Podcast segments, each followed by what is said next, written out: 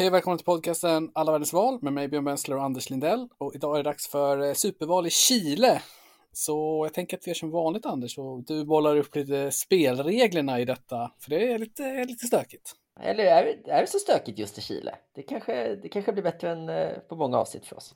Det är superval som du säger. Man väljer både sitt eh, parlament och sin statschef, sin president i Chile. Och parlamentet då, där har man ett eh, 155 platser stort underhus med fyraåriga mandatperioder. Och ehm, det är ganska nytt man har det, man ändrade eh, ganska nyligen. Så det är ett system de fortfarande på att vänja sig lite vid. Eh, därför att det är också så att det har blivit mycket, mycket mer proportionerligt de senaste åren, då, eller det senaste valet 2017. Så att nu väljs det med liksom listor liksom i proportionella val, proportionerliga val. Eh, och eh, presidenten väljs också på fyra år då och har en mandatperiodsbegränsning och har det mycket, mycket märkliga mandatperiodsbegränsningen att man bara kan bli vald en gång. Så att är, man kan liksom aldrig slå en sittande president i Kina. Nej, man, man kan köra igen sen. Ja, och sen kan man köra igen. Och det har ju hänt a lot. Ja, det har hänt flera gånger. Men, men det, är, det har haft en, en ganska märklig betydelse för Chiles liksom, nutida politiska historia, att man har liksom ganska hattiga politiska dynastier eftersom man hela tiden, ja, vill man, vill man ha en långvarig president då får man Och för att tisa det subjektet så kan vi då berätta direkt att de två personerna som har gått om varandra på, på platsen är inte med den här gången. Så att det blir liksom en, för första gången på 16 år blir det en ny, ny president i Chile. Kan man väl säga. Exakt. Så, att, så att på så vis är det ganska straightforward. Och det och som... Stökig senat missar du här. Ja, att man har då byggt, du, du syftar på att senaten är liksom... Eh, som ja, hela tiden nu. olika platser. Du, nu ja, därför att den har också blivit större. Från typ strax över 30 platser till 55 platser tror jag nu i senaten. Och det gör att, att de, har, de har fyllt på den långsamt genom att öka platserna i varje val. Eh, och där sitter man ju då åtta år, så att man väljer ju inte heller alla platser varje gång. Så att eh, så är liksom så är spelreglerna och det man kan säga för att liksom sätta det ungefärliga landskapet är ju att eh, i sådana här system det är ju ett väldigt klassiskt latinamerikanskt system, alltså att ha proportionerliga val till parlamentet men att ha presidentval. Uh, och, det, och att ha två sådana valrörelser gör ju att det blir att man måste bilda massa allianser därför att det blir väldigt många partier i parlamentet av att det är proportionerligt. Samtidigt som det ett presidentval så blir det ju rimligtvis ofta två huvudkandidater. Så att vi kommer gå in på sen på, det finns liksom en, en uppsjö av partier som sen ska samlas i ett antal uh, allianser som då är ganska formaliserade nästan som partier. Det man kan säga som är lite ovanligt är ju att de har alltid president och underhusval samtidigt. Mm. Oftast då brukar det vara att det roteras på något sätt. Men här kör man liksom två stora valen samtidigt hela tiden. Ja. Så det, det är härligt, lite variation. Eh, ja, vad, vad, vad, kan du om Chile, förutom att de brukar åka ut i åttondelsfinal i fotbolls-VM? ja, men och att det är superavlångt, det är väl det alla säger. Ja, men de åker eh, alltid ut i åttondelsfinal. Ja, det är, det är väldigt, eh, det känns som att de verkligen gör det varje... Det är min starka association till Chile. Ja, men är ju ett, ett ganska rikt land i, i Sydamerika. Man kan säga södra Sydamerika är generellt eh, rikare än norra. Och eh, det har väl en stor gruvindustri tror jag som är stor. Ja, det är ju kopparlandet nummer ett i världen. Mm. Världens största exportör. Och det ja. finns en gruva där som jag, har, som, är, som jag har Wikipediat mig fram till som heter Escondida som står för 5% av hela världens produktion. Mm. Från en plats. Ja, det är säkert otroligt som jag förstår det så är de en high income economy och rikast i Latinamerika, i alla fall fram till något år sedan. Just det, ja det är sjukt för när vi läste om Argentina så läste jag att Argentina fortfarande var rikast. Ja, men det var fel. Men de är väl, det är väl jag de två, rättade de... inte dig då för att jag är så, så enormt överseende. Ja, men de två är uppe där som någon slags liksom, ekonomiska storbröder i, i Latinamerika i alla fall, per capita. Stor, stor rivalitet med varandra dock. Även i fotbollssammanhang. Ja, snarare kanske om allt annat också. Chile sidade ju för den som är intresserad med britterna i Falklandskriget som vi inte stod upp när vi pratade om Argentina, för det här är ingen historiepodd. Nej. Men uh, det var ju lite, har ju surat relationen. Ja, gud ja. Uh, och det man kan säga som är relevant här är att det, är, det finns liksom um, inget att klaga på demokratiskt. Chile är, är vida erkänt som ett, ett demokratiskt land sen 89. Och uh, ja, ska vi säga något om det direkt, liksom vägen hit då fram till, apropå att vi inte är en historiepodd? Det finns ju mycket att säga liksom. Ja, vad vill du börja?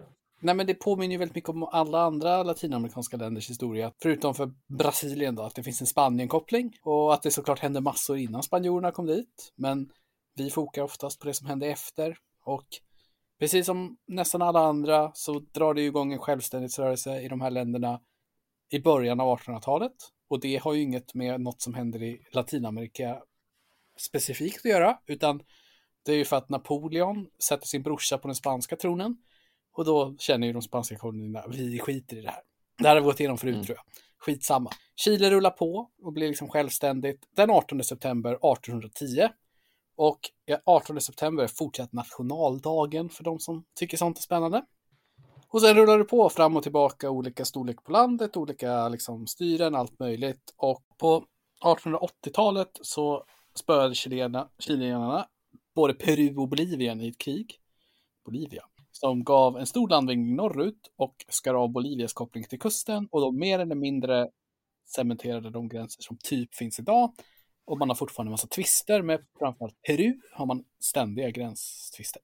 Efter det så drog ett inbördeskrig igång som går i linje med många andra i historien, det vill säga någon slags medelklass vill ha lite mer politiskt inflytande.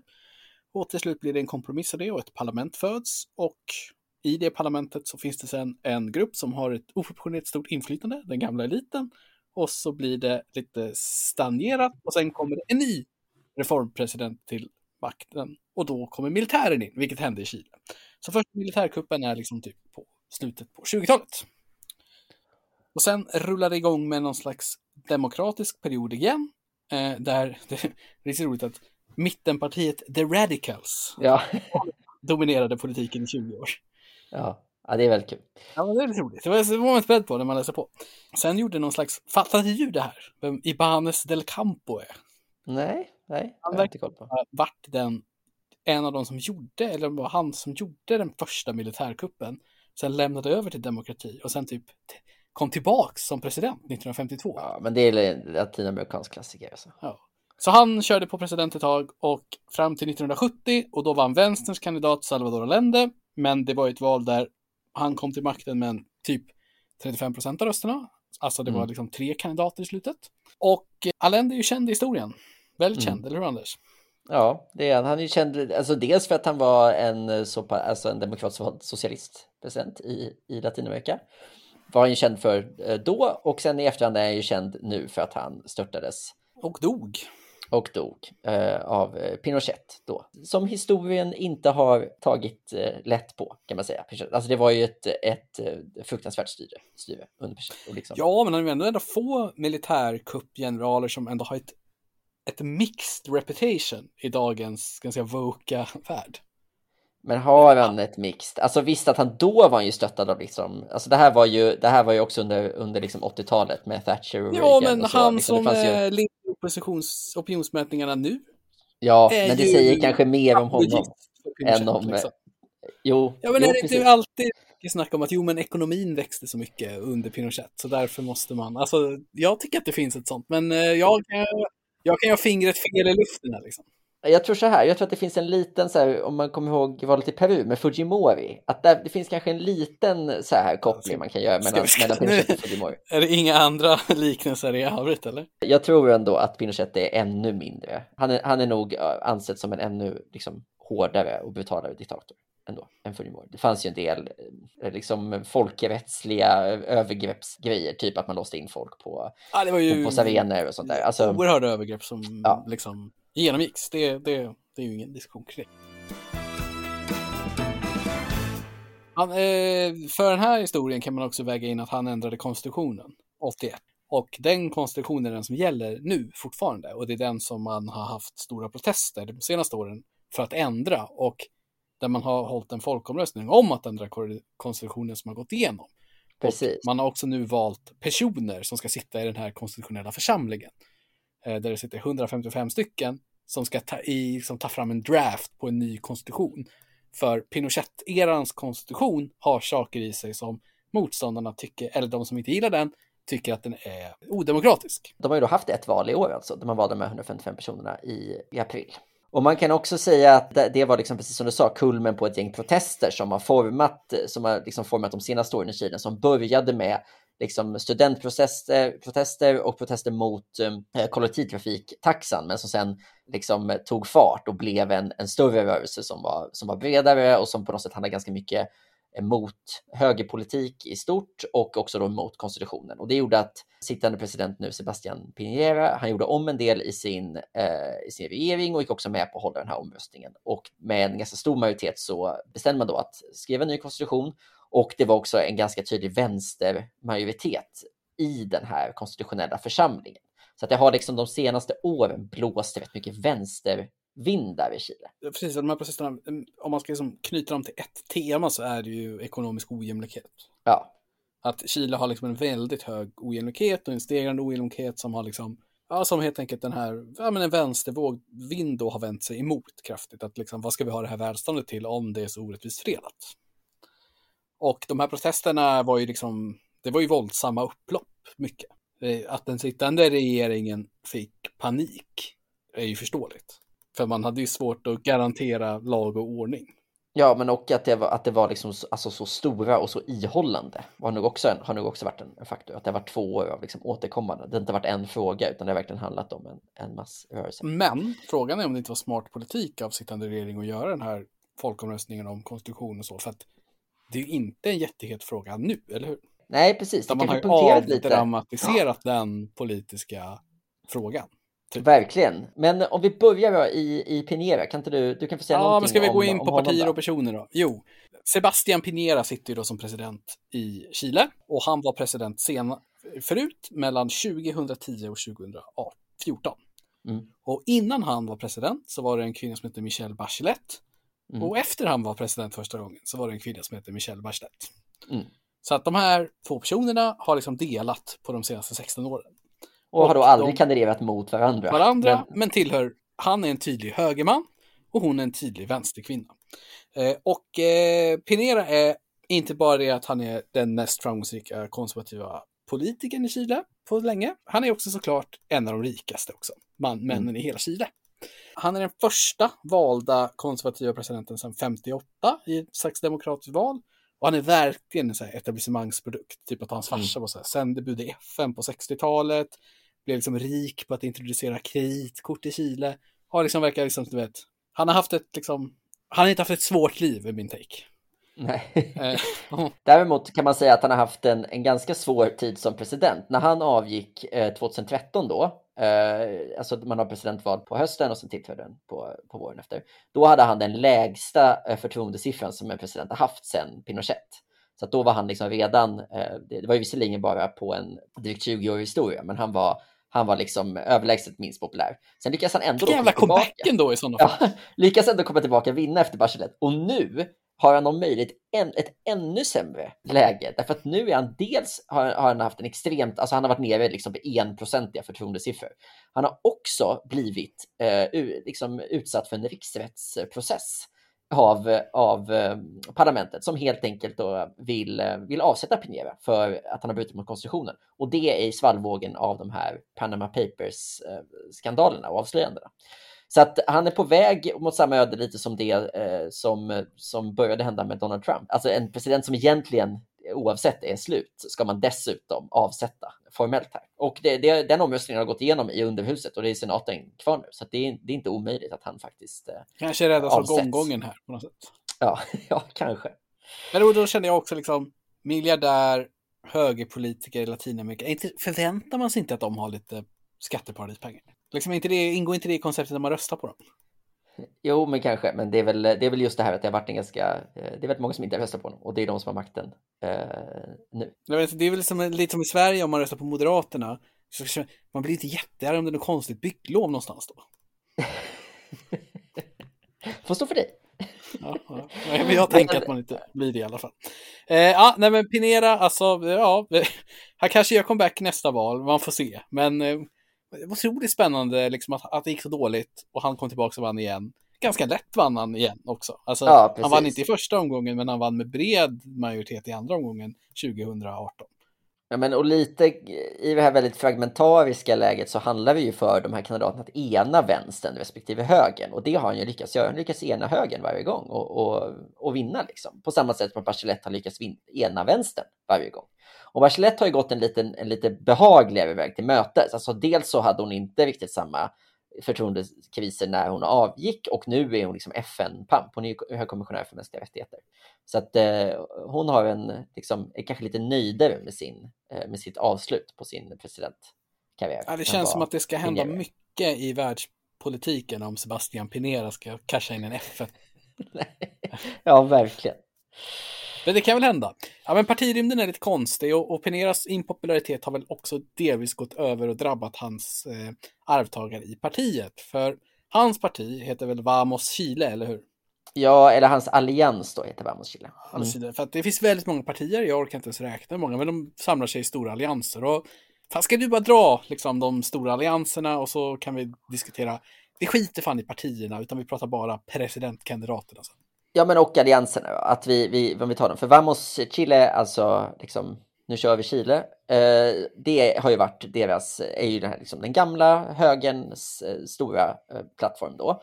Och i deras eh, primärval nu, de hade primärval i somras, då kandiderade liksom å ena sidan borgmästaren i Santiago, alltså verkligen en insider för högern, och å andra sidan en liksom, independent kandidat som hade varit minister i Pineras eh, regering. Den här, och han hette Sebastian Sichel och vann eh, det här valet. Så att, och han lyckades göra det på och har liksom distanserat sig ganska mycket från Pinera.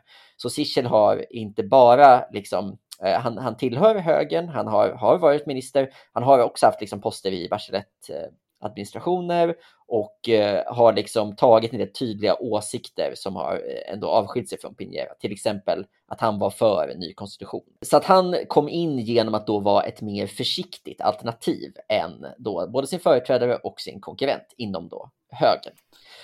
Sen Lite har vi ju, eller jag tänkte att du varit klar där, men dra något mer om eh, Sichel.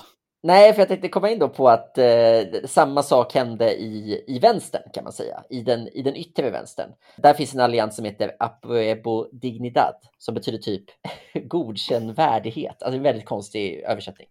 Sanktionerad värdighet kanske? Ja, kanske. Ja, väldigt, eh, ja, hur man än gör, det måste ha någon annan, det bokstavliga översättningen blir inte bra. I alla fall, men det är just det vänsterblocket som man kan säga är eh, den gamla yttervänstern och den lite nya gallvänstern. Så att det, är liksom, det finns en del liksom syndikalister och gröna och, och sådär i, i det där. Och så finns det också då kommunistpartiet och sådär. Där hände samma sak, att kommunistpartiets eh, gamla ordförande, som också då var mer en insider och långt ut på, till vänster, han förlorade eh, primärvalet mot en, en tidigare studentledarprofil som heter eh, Gabriel Boric.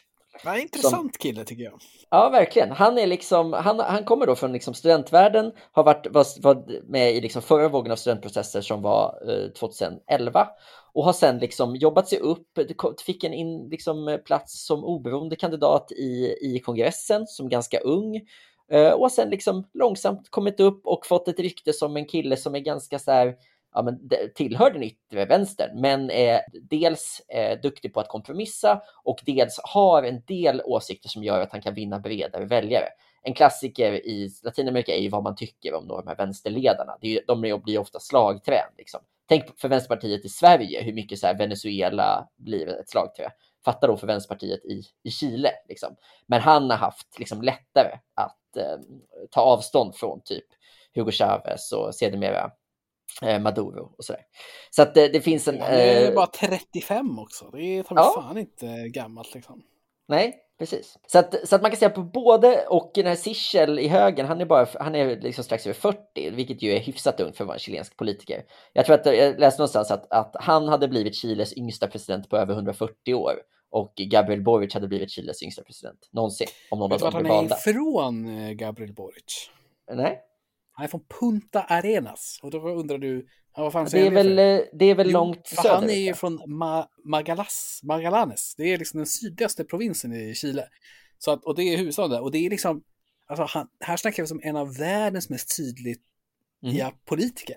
Det ligger så jäkla långt söderut att det är sjukt typ. Aha, aha. Så att han är som en lantis också. Så jag har ju lite, jag är svag för det här alltså. på honom. Det är roligt, mycket bilder på Boric så ser han också ganska speciellt, alltså han har ett lite um, oborstat utseende är kul. Har, Men har ni sett Emil Hurs i filmen Into the Wild så vet ni exakt hur han ser ut.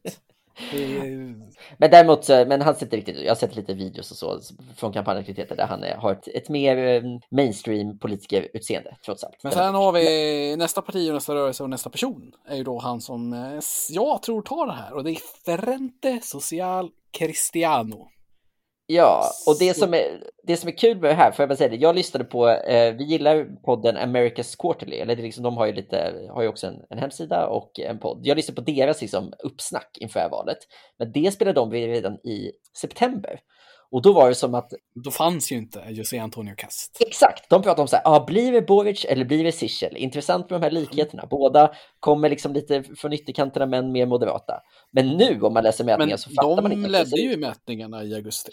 Exakt, exakt. Och då nämnde man Kast. De nämnde Kast så här, ja men han är kanske, eh, han kanske kan komma in och göra ett avtryck. För han är ju deras liksom högerpopulist, José Antonio Kast. Han är den riktiga högern. Alltså det här är, det här är liksom det, det, finns ofta mycket vänster, och, men här är liksom ändå, det här är höger om höger.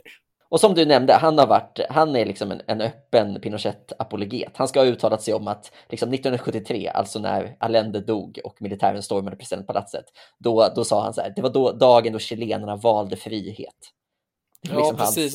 Hans take. hans kändaste uppträdande i den här valkampanjen har varit att han åkte till, det finns någonstans i norra Chile, där det kommer liksom så här flyktingar från ja, men Venezuela och Mm. Haiti och så här vid gränsen. Och då liksom åkte han dit och gjorde något jävla jippo där man typ buade ut flyktingarna och han höll ett väldigt så här agiterande tal. Han är, så här, han är väldigt, väldigt mycket anti-immigration. Att liksom Mm. fattigare delar av Latinamerika kan fan inte flytta till Chile och utnyttja deras eh, rikedom. Mm. Och sen är han liksom kulturellt konservativ såklart också, så att liksom här finns ju anti-abort mot liksom opinionen. Mm. Och han är, går som en raket kan vi berätta för er i opinionsundersökningarna. Alltså literally speaking. 10% i början av, i slutet av augusti. Och nu är det liksom 27, 28, 30 i någon mätning. Och leder klart i opinionsundersökningarna för första omgången. Och det, är, det såg inte många komma. Nej, verkligen inte. Alltså just när man nu också har den här vänster, vänstervågen.